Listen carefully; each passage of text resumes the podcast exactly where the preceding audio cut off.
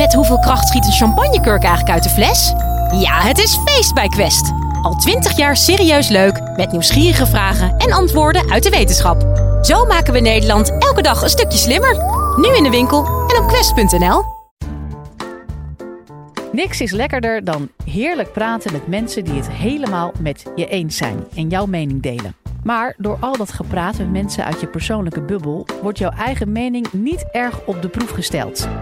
In dit college vertelt communicatiewetenschapper Noelle Aarts van de Wageningen University waarom die continue zelfbevestiging dan zo slecht is en hoe het wel zou moeten.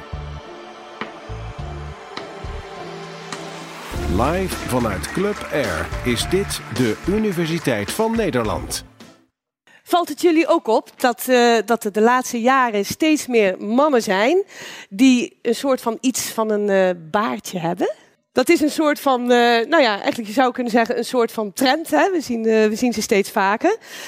Um, wie van jullie heeft een pubermeisje wat ook elke zaterdag op zoek gaat naar de ultieme tas? Ik heb er zelfs weer een gehad, ze is intussen wat ouder. Maar altijd naar de ultieme tas. En dan uiteindelijk komen ze allemaal met dezelfde soort tas thuis. Herkennen jullie dat? Misschien doen jullie het zelf ook wel trouwens.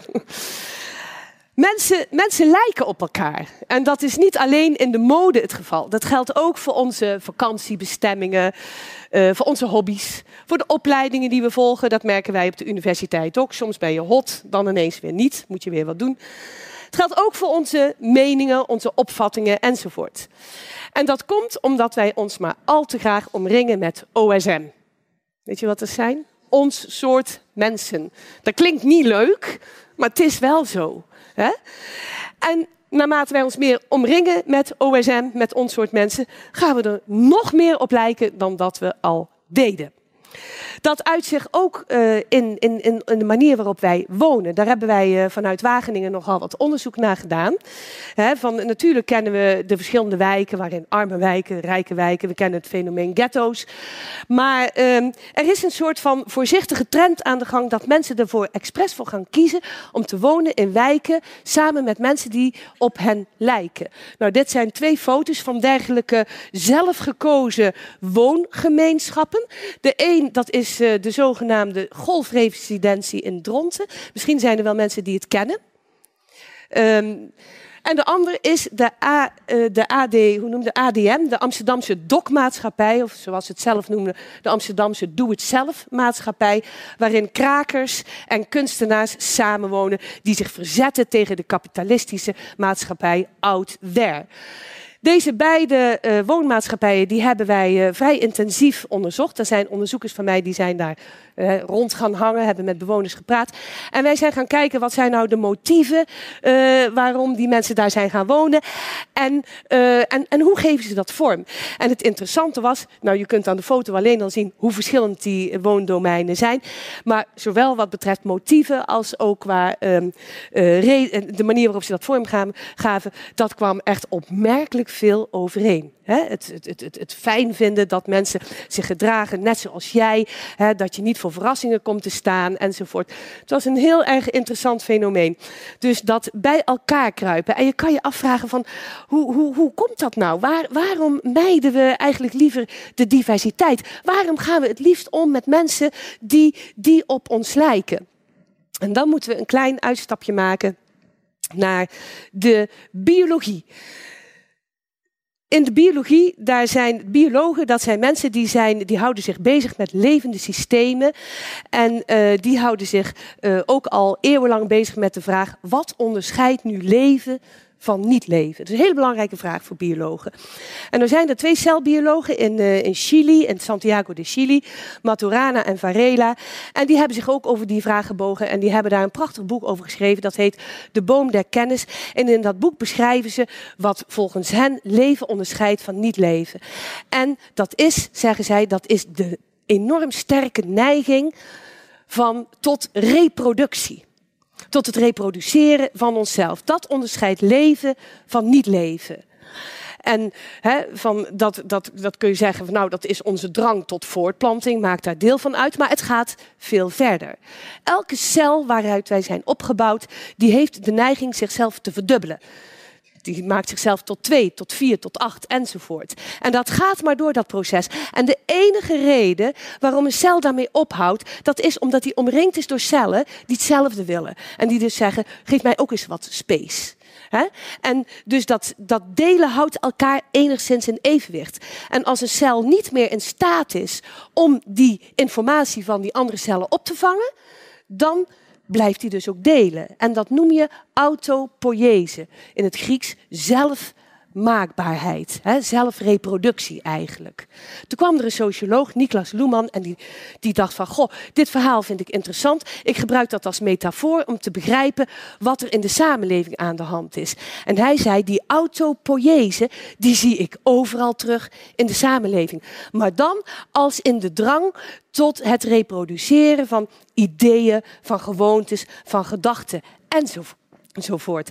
Dat is wat mensen de hele dag doen. Hun eigen ideeën reproduceren hè, en eigenlijk gewoon andere mensen daarmee als het ware infecteren. Dat is eigenlijk zo op die manier ontstaan culturen. Culturen hè, als verbanden tussen mensen die elkaar begrijpen, hè, die hetzelfde denken, die de regels met elkaar delen. En dat vinden we dus verschrikkelijk fijn. Dat is in het groot zo, verschillende culturen die ontstaan. Maar dat is ook in het klein. Ik weet niet of, of, jullie dat herkennen bij jullie op je werk. Hè? Je hebt verschillende afdelingen. En binnen die afdelingen ontstaan al gauw eigen cultuurtjes. En dan wordt het al wat lastiger om met die andere afdelingen te communiceren. Er wordt ook veel over geklaagd. Herkennen we dat? Het is een duidelijk verhaal, denk ik. Hè? Je ziet het zelfs al bij groepjes studenten. van, ik geef, uh, in Wageningen geef ik, uh, mag ik de introductie in communicatie geven. Dat is voor 200 studenten, die zitten random in een zaal. Eerste college zitten ze dus in die zaal, ze zoeken een plekje. Komen ze tweede college, dan zie je dus dat ze bijna allemaal op dezelfde plek gaan zitten. En zelfs op een gegeven moment dat iemand naar mij toe kwam van ja, maar er zit iemand op mijn plek. Ik zeg ja, maar jullie hebben geen plekken hier. Ja, maar ik zat daar vorige week. Dat vinden mensen heel fijn. Wij vinden het heel erg fijn. Wij voelen ons prettig bij wat we al kennen en bij wat we al weten. En wij voelen ons prettig bij mensen die het met ons eens zijn daar praten we ook het liefste mee. want je we kennen allemaal dat gevoel, oh, met die kan ik zo goed praten. Joh, half woord genoeg, die begrijpt mij meteen. Dat vinden we ontzettend prettig. maar dat heeft dus te maken met het idee van, als een ander op ons lijkt, dan wordt het erg gemakkelijk om met die ander onze eigen ideeën en onze eigen gedachten te reproduceren. Heel belangrijk gegeven. Dan voelen we ons erkend. we voelen ons veilig als het ware. Dat is een fundamentele behoefte die we eigenlijk alleen maar kunnen bevredigen met anderen. daarom hebben we dus die anderen daar ook zo hard bij nodig. En omdat we dus vooral onze ideeën delen en eigenlijk reproduceren met mensen die wij kennen, mensen bij wie we veilig voelen, worden die ideeën, die worden al gauw een soort van waarheid. Want die worden al niet zo gauw meer weersproken, hè? want we zijn het tenslotte met elkaar eens. Nou, dat is iets wat ze tegenwoordig noemen in de sociologie, noemen ze dat het sociaal constructivisme. we construeren de waarheid in gesprekken met elkaar. Maar dat weten we al heel lang. Er was lang geleden al een Schotse filosoof, David Hume deze man. En die zei het eigenlijk al. De waarheid is het resultaat van gesprekken tussen vrienden. Dat werd hem in de tijd niet echt tot dank afgenomen dat hij dergelijke beweringen deed. Tegenwoordig is het gemeengoed, zou je kunnen zeggen. Wij construeren de waarheid met onze vrienden. Een belangrijk gegeven. We gaan voortdurend relaties met elkaar aan en ontwikkelen dus zo vriendengroepen, collegagroepen enzovoort van mensen die op elkaar lijken en die steeds meer op elkaar gaan lijken. Ja, herkennen we het zo far? Dat zijn veelal onbewuste processen. Dat zijn geen dingen die we expres doen. Dat gaat als het ware vanzelf. er zijn onderzoeken gedaan die ook laten zien bijvoorbeeld dat als mensen besluiten in hun eentje een ferm besluit van ik stop met roken, dat is meestal een besluit wat veel socialer wordt genomen. Mensen stoppen niet met roken in hun eentje. Mensen stoppen met roken in groepen. Onderzoek laat dat zien. als ik op een gegeven moment, ik ben vervent roken, ooit geweest, echt waar. En ben ik op een gegeven moment gestopt. En dan, uh, dan stop je met roken en dan gebeurt er ook iets in je omgeving. Waar ik eerst degene was die altijd maar met een sigaret in de handen was, ben ik ineens gestopt met roken. Dat zet andere mensen in mijn omgeving aan het denken. Hè? Ik verleg als het ware subtiel de norm. Daarbij zal ik heel praktisch, zal ik niet meer degene zijn die sigaret op zak heeft. Ik zal ook niet degene zijn die zal zeggen, joh, ga je mee even naar buiten sigaretje roken. Dus om heel veel redenen wordt mijn omgeving enigszins ongemakkelijk als ik stop met roken. En dat heeft een invloed, dat kan ik je vertellen. En misschien hebben jullie er zelf ook wel ervaring mee hè, dat het op deze manier werkt. Hetzelfde als met obesitas. Dikke mensen die leven in dikke gemeenschappen. Zo is het gewoon zo. En interessant zijn vaak juist de uitzonderingen. Hoe krijgen die het in godsnaam voor elkaar om dun te blijven in die ontzettend dikmakende omgeving die hen voortdurend verleidt tot het eten van te veel en te vet eten. Zelfs geluk is besmettelijk, zo wijst onderzoek uit. Hè? Van als mensen gelukkig zijn, dan leven ze meestal ook in gelukkige omgevingen. Het is interessant om te zien dat communicatiecampagnes, dat die eigenlijk heel weinig gebruik maken van dit soort kennis. Van dit soort kennis dat mensen eigenlijk heel sociaal zijn. Campagnes om gezond te leven of te stoppen met roken, die richten zich toch meestal toch nog vooral op het individu hè, en inhoudelijke kennis alsof die zou ontbreken. Niets is minder waar. Nou heeft dat idee dat wij, hè, of het, het, het, fenomeen, dat wij vooral omgaan met mensen die op ons lijken, dus die autopoïese, die neiging tot zelfreproductie, die heeft ook wel een aantal gevaarlijke kantjes. In de eerste plaats is er dus een gebrek aan kritische reflectie op de, mening, op de bestaande meningen. We zijn het immers allemaal lekker met elkaar eens. En als je het al niet eens bent, ik weet niet of jullie dat herkennen, in een gemeenschap of in een gezelschap waarin iedereen het met elkaar eens heeft, dan heb je behoorlijk wat lef nodig om te zeggen, nou, dat vind ik helemaal niet. Je ziet ook heel vaak dat mensen dat niet doen, hè? dat ze hun afwijkende mening voor zich houden. Het wordt ook niet altijd in dank afgenomen. Kijk naar het fenomeen klokkenluiders. Daar loopt het meestal niet helemaal lekker mee af. Dat zijn mensen die dus op een gegeven moment de afwijkende mening naar voren brengen. We zien ook dat die neiging tot reproductie van jezelf, die maakt dat je je ook niet meer aanpast aan een omgeving die voortdurend verandert. Denk aan het fenomeen puberteit.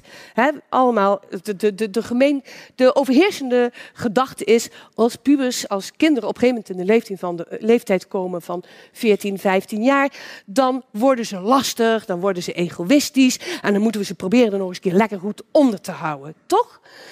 Niet zo vaak wordt het benaderd vanuit de gedachte van, goh, ouders die zijn gewend om de zaak te doen zoals ze het altijd al deden. En die kinderen heb je onder controle. Als ik zeg, je om zeven uur naar bed, dan ga je gewoon. Dat die kinderen enorm veranderen. Hè, en dat eigenlijk het probleem misschien al meer bij die ouders ligt. Daar denken we niet zo vaak aan. Loesje heeft er een mooie poster van gemaakt ooit. De puberteit, dat is de leeftijd waarop mijn ouders lastig beginnen te worden. Ik denk dat dat een heel grote aspect van waarheid uh, in zit. Die drang tot zelfreproductie, die maakt ons als het ware dus enigszins conservatief, zou je kunnen zeggen. Het, we krijgen een soort van gebrek aan innovatievermogen, omdat we eigenlijk onszelf altijd binnen die, dat netwerk onszelf reproduceren, neigen we ertoe om te denken dat dat, uh, dat dat altijd zo zou moeten gaan. Bijvoorbeeld het welbekende glazen plafond, hè, dat vrouwen uh, in hoge posities minder snel aan de bak komen en minder snel uh, doorstoten eigenlijk naar hoge posities. Dat wordt van van alle kanten wordt dat geanalyseerd. Hè? En dat wordt in heel veel gevallen ook wel bij vrouwen zelf gelegd. Want ja, wij moeten toch echt fulltime gaan werken. En uh, wij moeten ons niet zo bang laten maken. Wij moeten meer bluffen. We zouden ons eigenlijk dus inderdaad eh, iets meer als mannen moeten gaan gedragen. Zo'n beetje is de gedachte.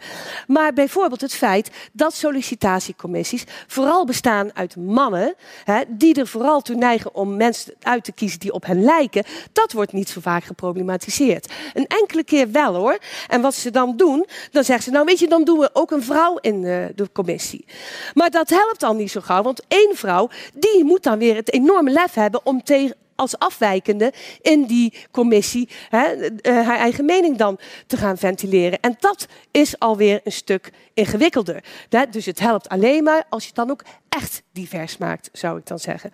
Overheden moeten praten met burgers. Artsen moeten praten met patiënten. Rijke mensen komen arme mensen tegen. Wetenschap moet wat met de samenleving. Steeds moeten wij eigenlijk over, verschillen overbruggen. Dat is een hele belangrijke taak in onze samenleving.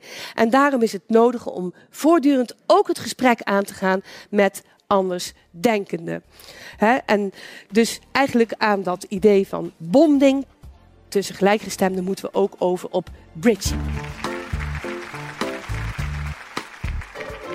Wil je nou meer afleveringen van de Universiteit van Nederland horen? Check dan de hele playlist en ontdek het antwoord op vele andere vragen.